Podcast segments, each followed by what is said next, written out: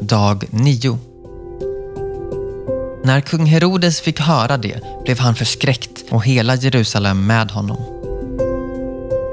Matteus evangeliet kapitel 2, vers 3. Dag 9 Två slags motstånd mot Jesus. Jesus är till besvär för de som inte vill tillbe honom. Och de som gör det möter motstånd. Detta är förmodligen inte en huvudpunkt för Matteus, men det är en oundviklig slutsats allt eftersom historien utvecklar sig. I den här berättelsen finns det två slags människor som inte vill tillbe Jesus.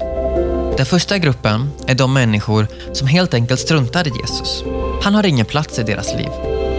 Denna grupp representeras av översteprästerna och de skriftlärda.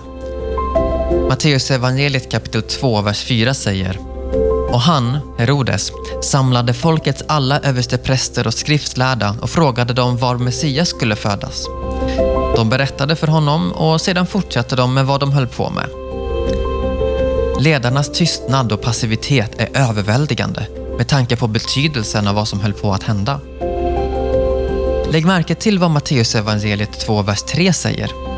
När Herodes fick höra detta blev han förskräckt och hela Jerusalem med honom. Med andra ord gick det rykten om att någon trodde att Messias hade fötts. Passiviteten hos översteprästerna är häpnadsväckande. Varför inte följa med de vise männen? Men nej, de är inte intresserade. De bryr sig inte om att finna Guds son och tillbe honom.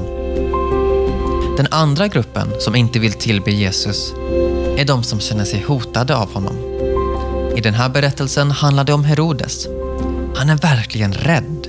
Så rädd att han smider onda planer och ljuger och sedan begår massmord bara för att bli av med Jesus.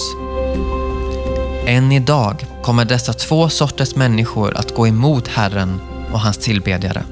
De likgiltiga och de fientliga. Jag hoppas verkligen att du inte finns i en av dessa grupper.